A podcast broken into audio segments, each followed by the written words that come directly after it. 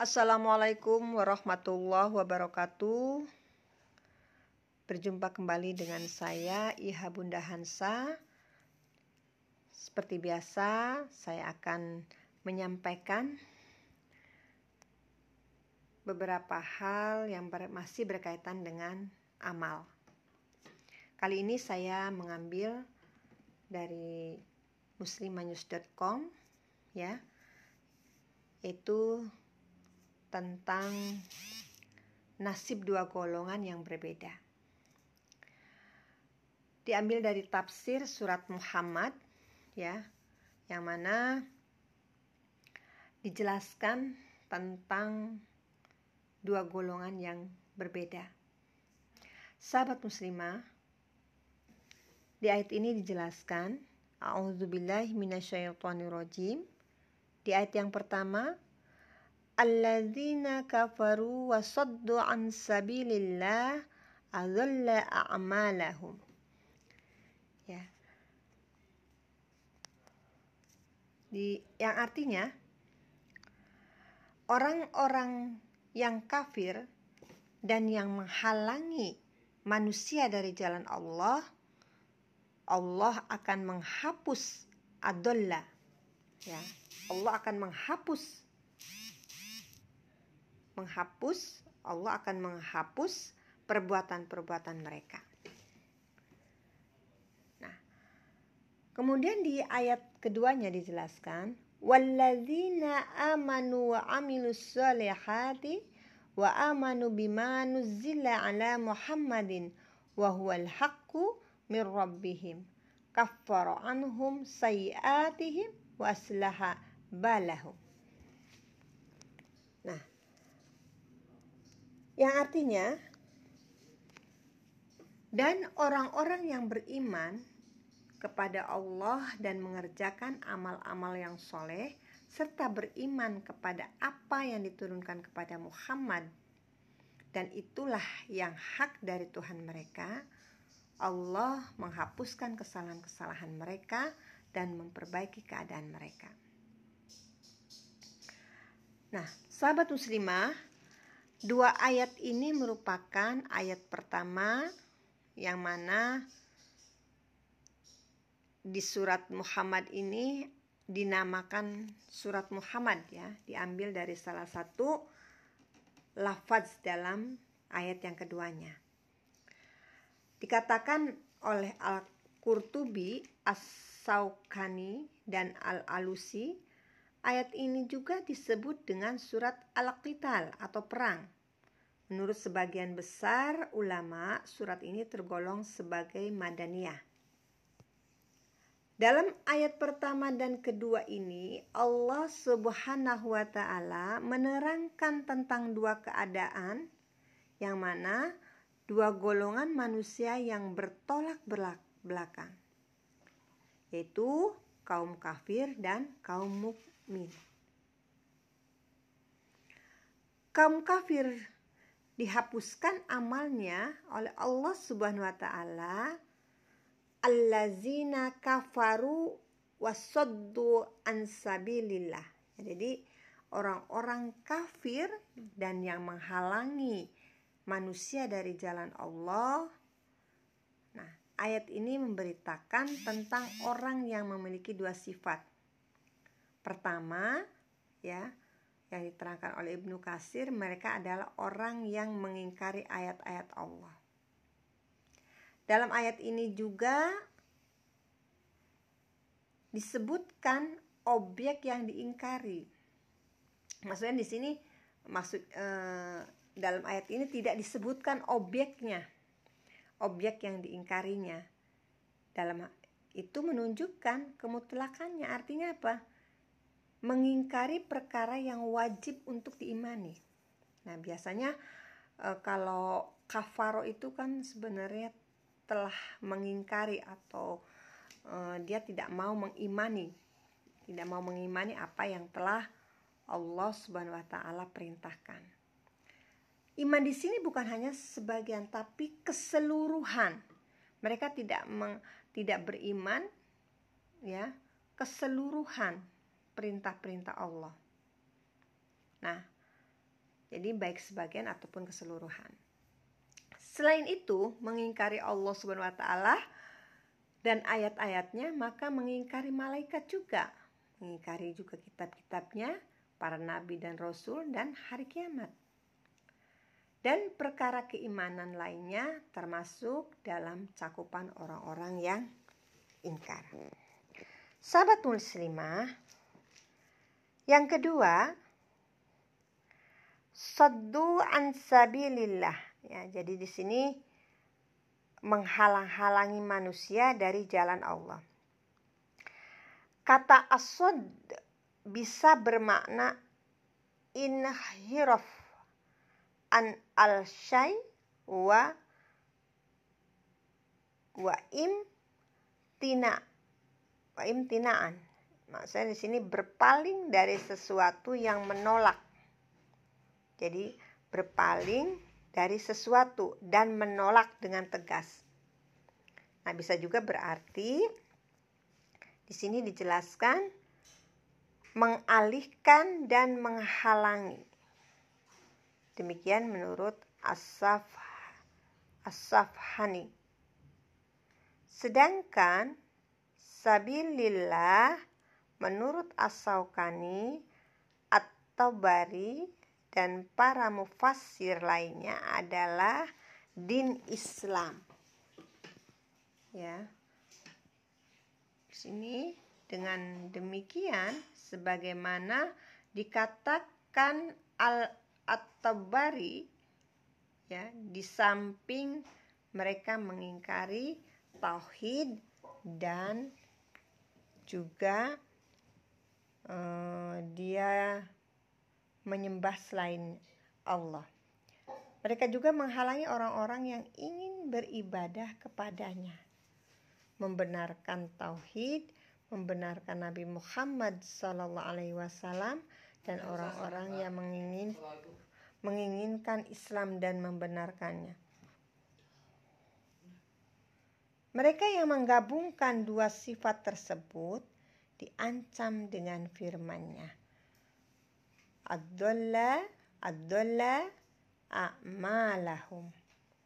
Nah, di sini dijelaskan ad-dhalla Allah akan menghapus perbuatan-perbuatan mereka. Sahabat muslimah, di dalam ayat ini menurut As-Safhani kata ad-dhalla ya, kata ad-dhalla berarti al-udul.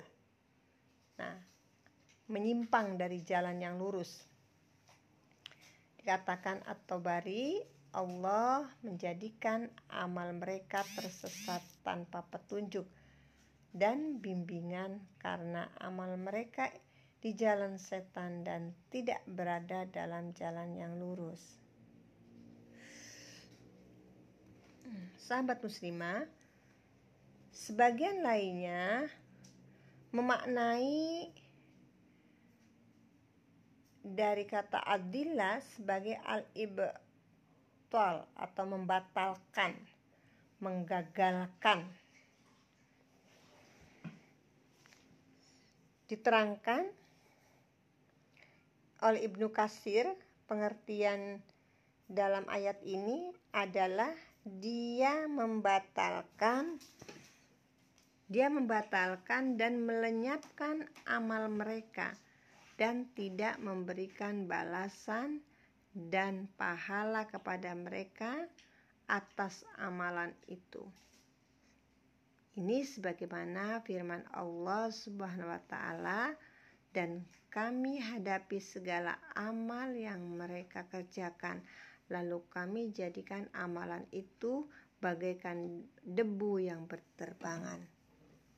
Surat Al-Furqan ayat ke-23.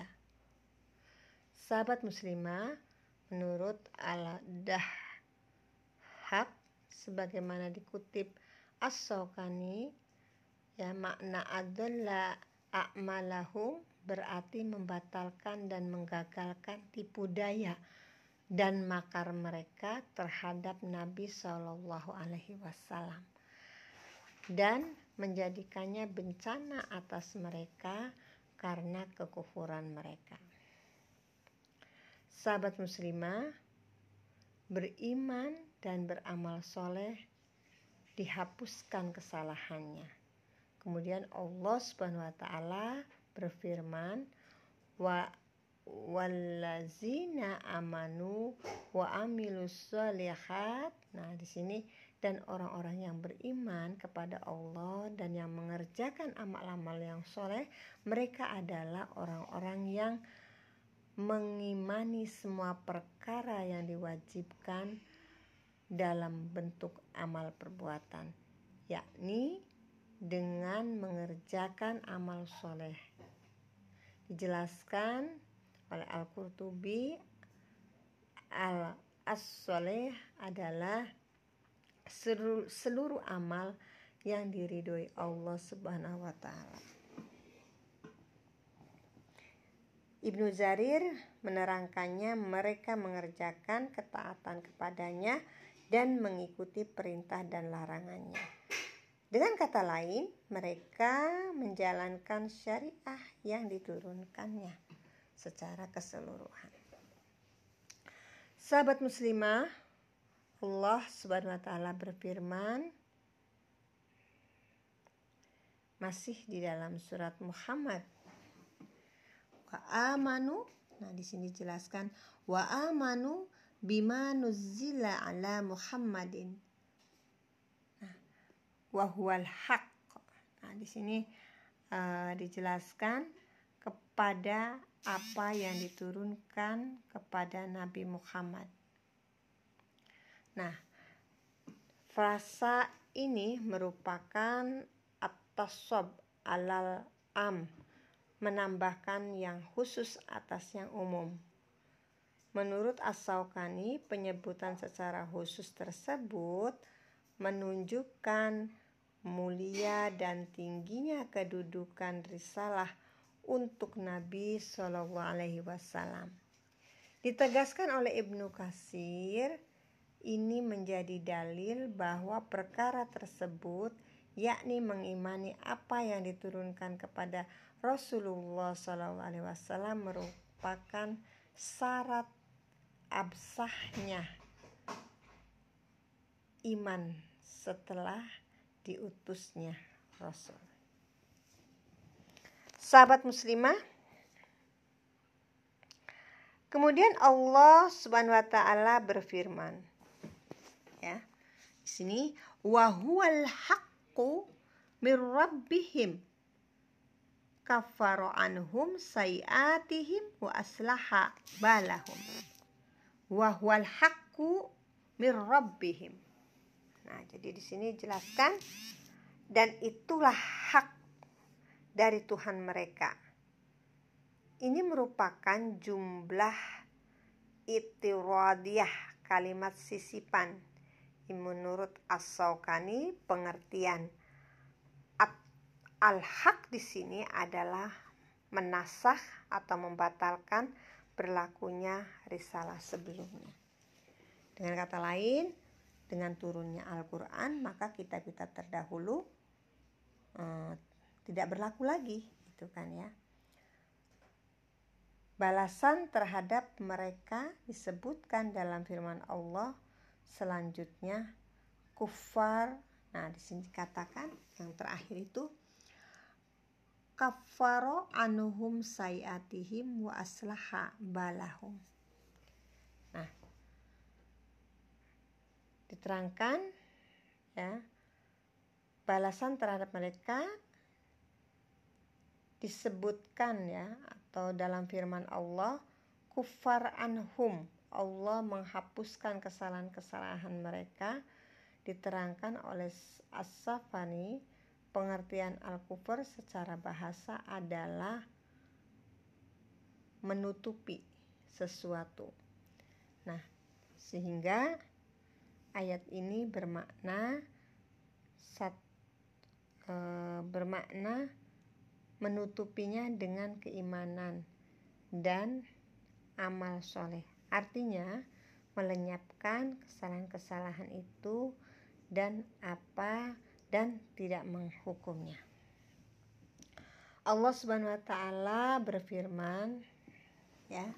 Sini uh, wa aslaha balahum.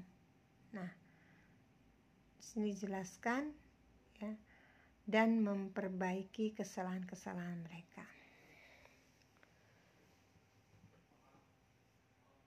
Kata al-bayi berarti al-hal atau keadaan. Dikatakan al-alusi keadaan mereka diperbaiki di dunia dengan al-taufik wa al-ta'yid. Ya. Di sini jelaskan keberhasilan dan pengukuhan. Dijelaskan oleh Tabari, dia memper, memperbaiki urusan dan keadaan mereka di dunia di hadapan para kekasihnya. Dan di akhirat Allah berikan mereka kenikmatan abadi dan selama-lamanya di surganya. Sahabat muslimah, itulah balasan yang akan didapatkan oleh dua golongan manusia yang berbeda tersebut – mereka menempuh jalan yang kontradiksi, mas, maka hasilnya pun bertolak belakang. Sesungguhnya nasib mereka ditentukan oleh pilihan dan usaha mereka sendiri. Hal ini ditegaskan Allah SWT dalam ayat berikutnya. Nah, jadi di sini jelaskan yang demikian itu adalah karena sesungguhnya orang-orang kafir mengikuti yang batil dan sesungguhnya orang-orang yang beriman mengikuti yang baik-baik dari Tuhan mereka. Demikianlah Allah membuat uh, untuk manusia perbandingan perbandingan dari mereka. Semua sudah jelas, tinggal kita memilih jalan mana yang akan kita tempuh. Jalan yang menjerumuskan kepada kesengsaraan atau jalan yang menghantarkan kepada kebahagiaan. Semoga kita tidak salah jalan dan kita berada pada jalan yang lurus. Nah, kita bisa ambil uh, intisari dari surat Muhammad ayat 1 dan 2 itu di mana orang-orang kafir itu dia akan senantiasa berusaha untuk menghalang-halangi manusia dari jalan Allah. Dan orang-orang kafir dan yang menghalangi manusia dari jalan Allah itu di tempat uh, di jalan Allah dihapuskan amalan mereka. Sementara orang-orang yang beriman dan beramal soleh ditutup kesalahannya dan diperbaiki keadaan mereka. Sahabat muslimah, itulah uh, dua golongan yang sangat berbeda Tinggal pilih, tinggal kita memilih mau yang mana. Tentunya adalah golongan orang-orang yang beriman. Semoga Allah jaga keimanan kita, semoga Allah menetapkan kulub kita untuk tetap tunduk patuh pada perintah-perintahnya dan menjauhi segala larangannya. Sekian Wallahu a'lam wabillahi taufik wal hidayah. Wassalamualaikum warahmatullahi wabarakatuh.